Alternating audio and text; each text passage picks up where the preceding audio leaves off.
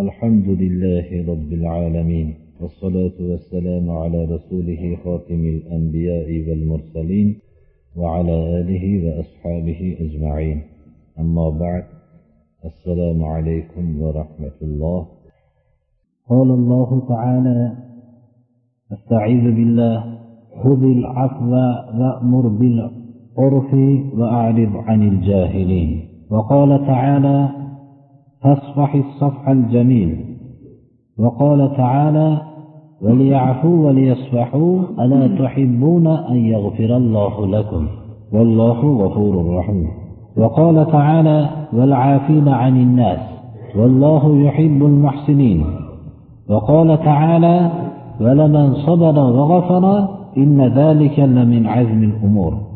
الله سبحانه وتعالى إسلام جميتها qur'oni karimni yo'llanma qilib berib bu jamiyatda insonlar bir birlarini afv qilishlik kechirish asosiga qurilmasa bu jamiyat hech qanday bir birlashmagan jamiyat bo'lishligini o'zi kalomida bayon qilib ko'proq mo'minlar o'rtasida bir birlarini afv qilishlik asosida bo'lishligini buyuruvchi bir necha oyatlarni nozil qildi. Surai baqarada rasululloh sollallohu alayhi vasallamga shu oyat nozil bo'ldi. Afvni lozim tuting. Ma'ruf ishlarga buyuring. Johillar bilan gap talashib o'tirmang ulardan yuz o'giring. Haqiqatni bilishlikni xohlamagan johil kishilar bilan ular bilan suhbat qurib o'tirishni o'rniga bulardan yuz o'giring o'zingizni ishingizda davom eting degan oyat nozil bo'ldi. Va yaxshi suratda kechiring kishilarni xatolarini.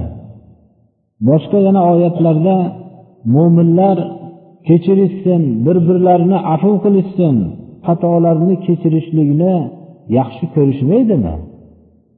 Inson xatodan xoli emas alloh subhanahu va taoloni ham huzuriga borganda birovlarni kechirib yurgan kishini olloh xatolarni ham kechirishligini yaxshi ko'rsa ana boshqalarning xatosini kechirsinlar qur'onda alloh taolo kishilarni afv qiluvchi kishilarni muttaqillardan deb sanadi va bularning ehson maqomiga chiqqan kishilardan deb sanadi. Ehson maqomi الإحسان أن تعبد ربك كأنك تراه فإن لم تكن تراه فإنه يراك ollohni ko'rib turgandek hayotni o'tkazishlik mana mana olloh shunday muhsinlarni ehson maqomida bo'lgan kishilarni suyadi dedi va sabr qilgan xatolarni mag'firat qilgan kishilarni alloh taolo bularning ishini jiddiy ishlardan bu va qilinishligi zarur bo'lgan ishlardan deb bayon qildi. Rasululloh sollallohu alayhi vasallam bu nozil bo'lgan oyatlarni birinchi o'zlarini hayotlarida shaxsiy hayotlarida ko'rsatdilar. Atroflarida rasululloh sollallohu alayhi vasallamning vahiy kelgan vaqtda atrofda yashagan kishilar qanday ahvol ekan qanday ahvoldaliklarni qur'oni karim bayon qilib استعيذ بالله الأعراب أشد كفرا ونفاقا وأجدر أن لا يعلموا حدود ما أنزل الله على رسوله arablar eng kufrlari ham qattiq bo'lgan nifoqi ham qattiq bo'lgan kishilar olloh rasuliga tushirgan qur'onni tushunmaslikka eng loyiq kishilar edi mana shu kishilarni xatolarni kechirishlik natijasida shunday manzilga olib chiqdilarki ular qiyomatgacha bo'lgan bashariyatning axloqdagi ustozlariga aylanishdi rasululloh sollallohu alayhi vasallam buni o'zlarini shaxsiy hayotlarida birinchi ko'rsatdilar oysha roziyallohu anhodan rivoyat qilinadiki أنها قالت للنبي صلى الله عليه وسلم هل أتى عليك يوم كان أشد من يوم أحد؟ قال لقد لقيت من قومك وكان أشد ما لقيته منهم يوم العقبة. إذ عرضت نفسي على ابن عبد يا ليل ابن عبد كلال فلم يجبني إلى ما أردته. فانطلقت وأنا مهموم على وجهي فلم أستفق إلا وأنا بقرن الثعالب.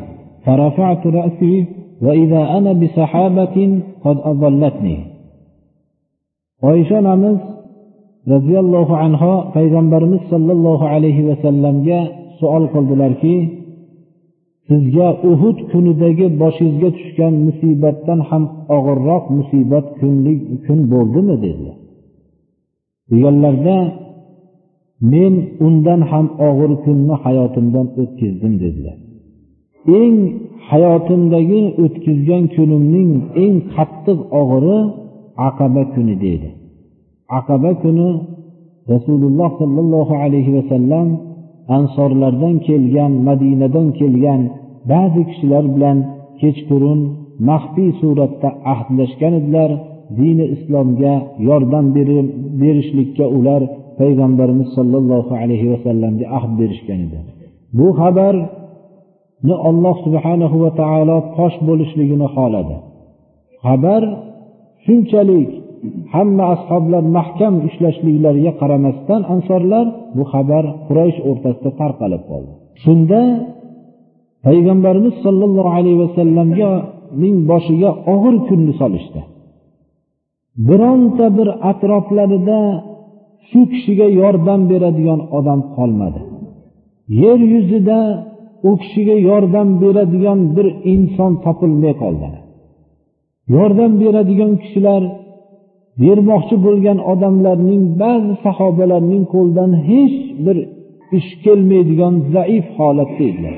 Mana har bir davrda ham bir haq yo'lda mustahkam tursa unga ko'pchilik qarshi bo'lib qolsa hatto ko'chada shu haqiqatchi odam bilan ko'rishganligini boshqalar ko'rsa ham shun bilan seni aloqang bor ekan sen bilan aloqani uzamiz deb uni boshiga kulfat solishganga o'xshagan payg'ambarimiz sollallohu alayhi vasallamning oldilariga kelib ular hech bir yordam berisholmasdi shunda toif viloyatiga bordilar.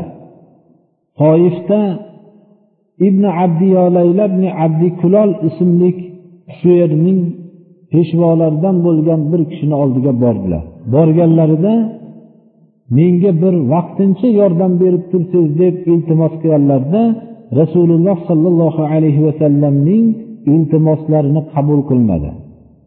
Shunda ketdim g'amgin bo'lgan holatda ketdim.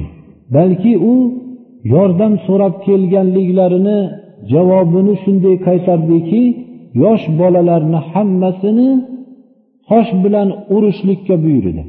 Bu yosh bolalar kimni urayotganligini bilmasdi. Bu kishi butun bashariyatning o'tgan odam alayhissalomdan to qiyomatgacha bo'lgan hamma payg'ambarlarning sayyidi ekanligini u bolalar bilmas edi har bir johil odamlar har bir nohaq odamlar ham haqiqatchi odamga ozor berishlikda shunaqa ongi yo'q bo'lgan hali oq qorani ajratmagan bolalardan foydalanadi birodarlar. Har bir davrda u bolalar bechoralar bilmaydiki bu gap gapirayotgan gapi zararmi yoinki to'g'rimi uni ajratmaydi? Shunday nom bilan aytasan palonchini desa u aytaveradi u narsani mohiyatini bilmagan holat. Bu johil odamlarning makkor odamlarning yosh bolalar quroniga aylanib qoladi. Bu bolalarni u bolalar shu yomon narsa desa yaxshi narsani ham yomon deyaveradi ular ular bir oq varaqqa o'xshaganki uni ustiga qaysi yomon uyat gapni yozsangiz ham yozilaveradi. Oppoq hech qanday narsa yo'q ularni qalbida. Ana rasululloh sollallohu alayhi vasallamni bilishmas edi. Agar shu bolalar voyaga yetib shu kishini urganligini bilgan bo'lsalar umrbod ular alamda o'tib ketgan bo'lishi mumkin edi mana. Hozirda ham o'zingiz bir tekshirib ko'rsangiz kishilarni bulg'ash qoralashlikda bolalardan foydalanishadi odamlar. Bolalarni bulg'ashadi. Ularga har xil narsalarni o'rgatishadi. Shunday de desa u bechora bolalar aytaveradi u narsani. Ana shunday toshbo'ron qilishdi rasululloh sollallohu alayhi vasallam. Zayd horisa himoya qilardi u kishi bir kishi nima ham himoya qilardi? Hushlaridan ketib hollaridan toyib qarmis faolib degan joyda o'zimga keldim deydilar boshimni ko'tardim. Ko'tarsam bir bulut menga soya qilib turibdi deydi. Qarasam bu bulutda jibril alayhissalom turibdilar meni chaqirdilar فقال إن الله تعالى قد سمع قول قومك لك قول قومك لك وما ردوا عليك olloh sizni xalqning sizga qilgan javobini eshitdi sizga nima javob qaytarishganligini ham eshitdi sizni so'zingizga yer yuzida quloq solmagan quloq soladigan odam qolmadi Olloh quloq solib turibdi unga dedi. Ana وقد بعث إليك ملك الجبال لتأمره بما شئت فيهم فناداني ملك الجبال فسلم علي ثم قال يا محمد إن الله قد سمع قول قومك لك وأنا ملك الجبال وقد بعثني ربي إليك لتأمرني بأمرك فما شئت إن شئت أطبقت عليهم الأخشبين alloh subhanahu va taolo sizga deb jibril alayhissalom aytdilarki tog'lar malakini farishtasini jo'natdi. Siz xohlagan buyrug'ingizni shu odamlarga hozir boshlariga qanday musibat solishlikka buyruq qilsangiz shuni bajaradi. Shunda tog'lar farishtasi meni chaqirdi salom berdi va aytdiki ey muhammad sollallohu alayhi vasallam xalqning sizga qilgan javobini olloh eshitdi. Men tog'lar farishtasiman. Rabbim sizga meni jo'natdi. Nima buyrug'ingiz bo'lsa meni buyuring dedi agar siz xohlasangiz shu makkani ihota qilib turgan ikkita tog' bor edi. Ahshabayn ikkita tog' bu. Shu ikkala tog'ni xalqni ustiga shunday bostirib qo'yaman dedi.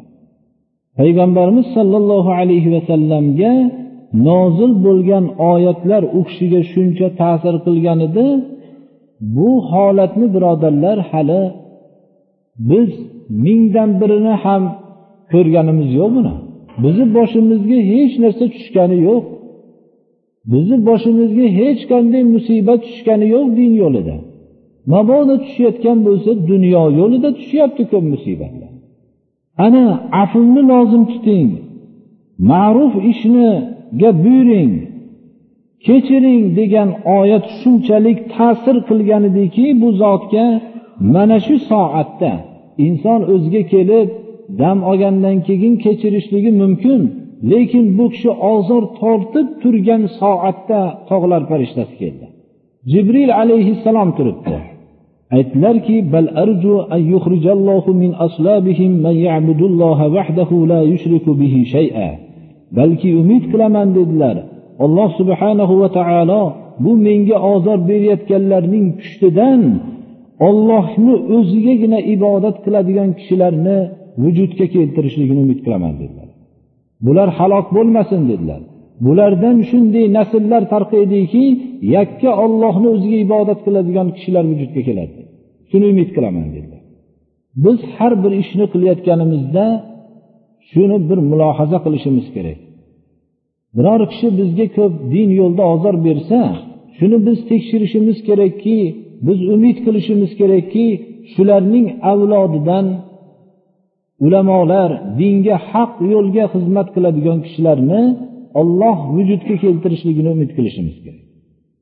Ikkinchidan shu ozor berayotgan kishi bir mulohaza qilishligi kerakki din yo'lidagi kishilarga ozor berayotgan ho o'zini dindor sanaganlar bo'lsin ho dinsizlar bo'lsin dindor kishilarga ozor berayotgan har bir inson shuni o'ylashligi kerakki bu o'zining kelajakdagi avlodi islomga xizmat qiladigan kishi bo'lib qolsa o'zining otalarini haq yo'lga zarar kunanda bo'lib qolganligidan hijolat bo'lib yashaydigan qilib qo'yadi u hech qachon har qancha yaxshi odam bo'lsa boshqalar uni yaxshi hurmatlab shunday qilsa ham lekin u o'zining otasi yo opa dadalarini dini islomga zarar yetib yurgan haq yo'lda yurgan kishilarga ozor berib yurganligi doim shularga har xil nomlarni qo'yib yurganligi bilan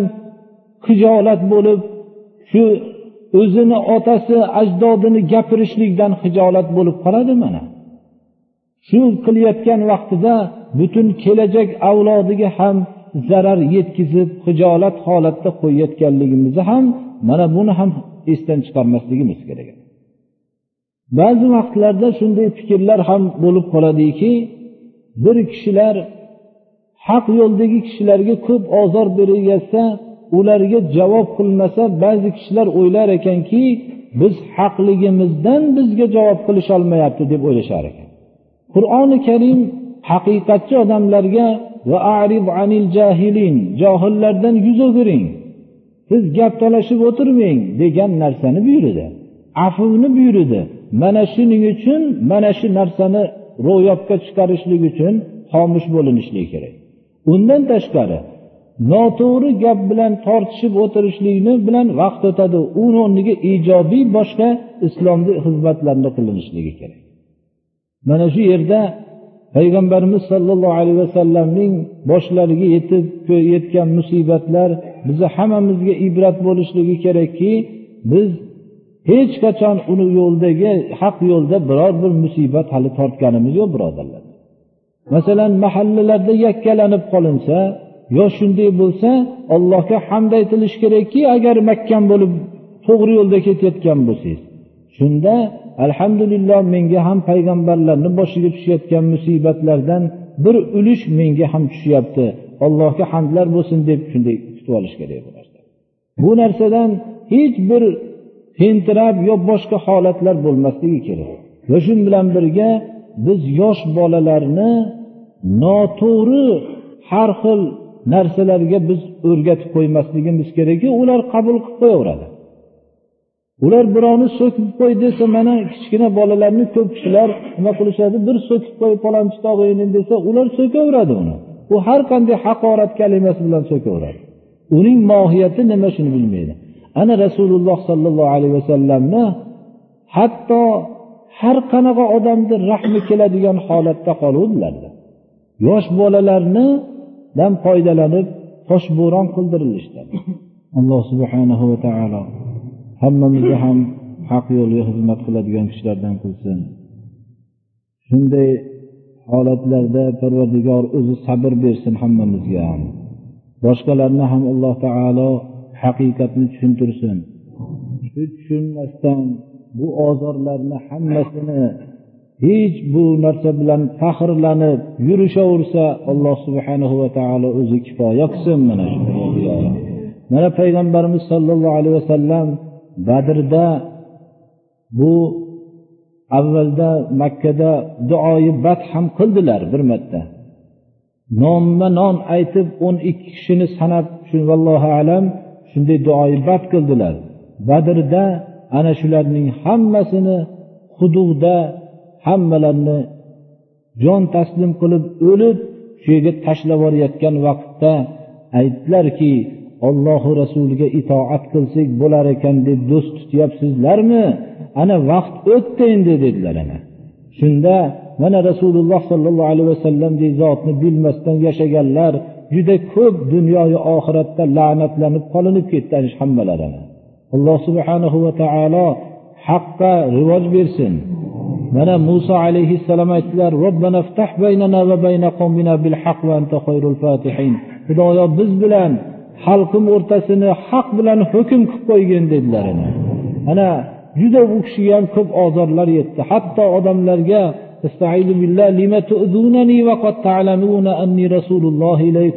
ey odamlar menga nima ozor berasizlar?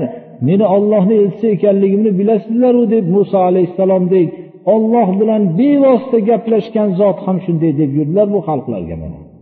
Mana shu narsalardan bilinglarki yoz aytgan ekanlarki bir odamni juda do'stlari ko'payib ketayotgan bo'lsa bilgin bir o'zini tekshirib ko'rsin degan ekanlar bu nifoqqa o'xshagan narsa paydo bo'lib qolayotgan bo'lishi mumkin degan ekanlar haq so'zni aytganingizda uni qabul qiladigan odamlar hamma odamlar bo'lmaydi u hech qachon اهدنا الصراط المستقيم صراط الذين أنعمت عليهم غير المغضوب عليهم ولا الضالين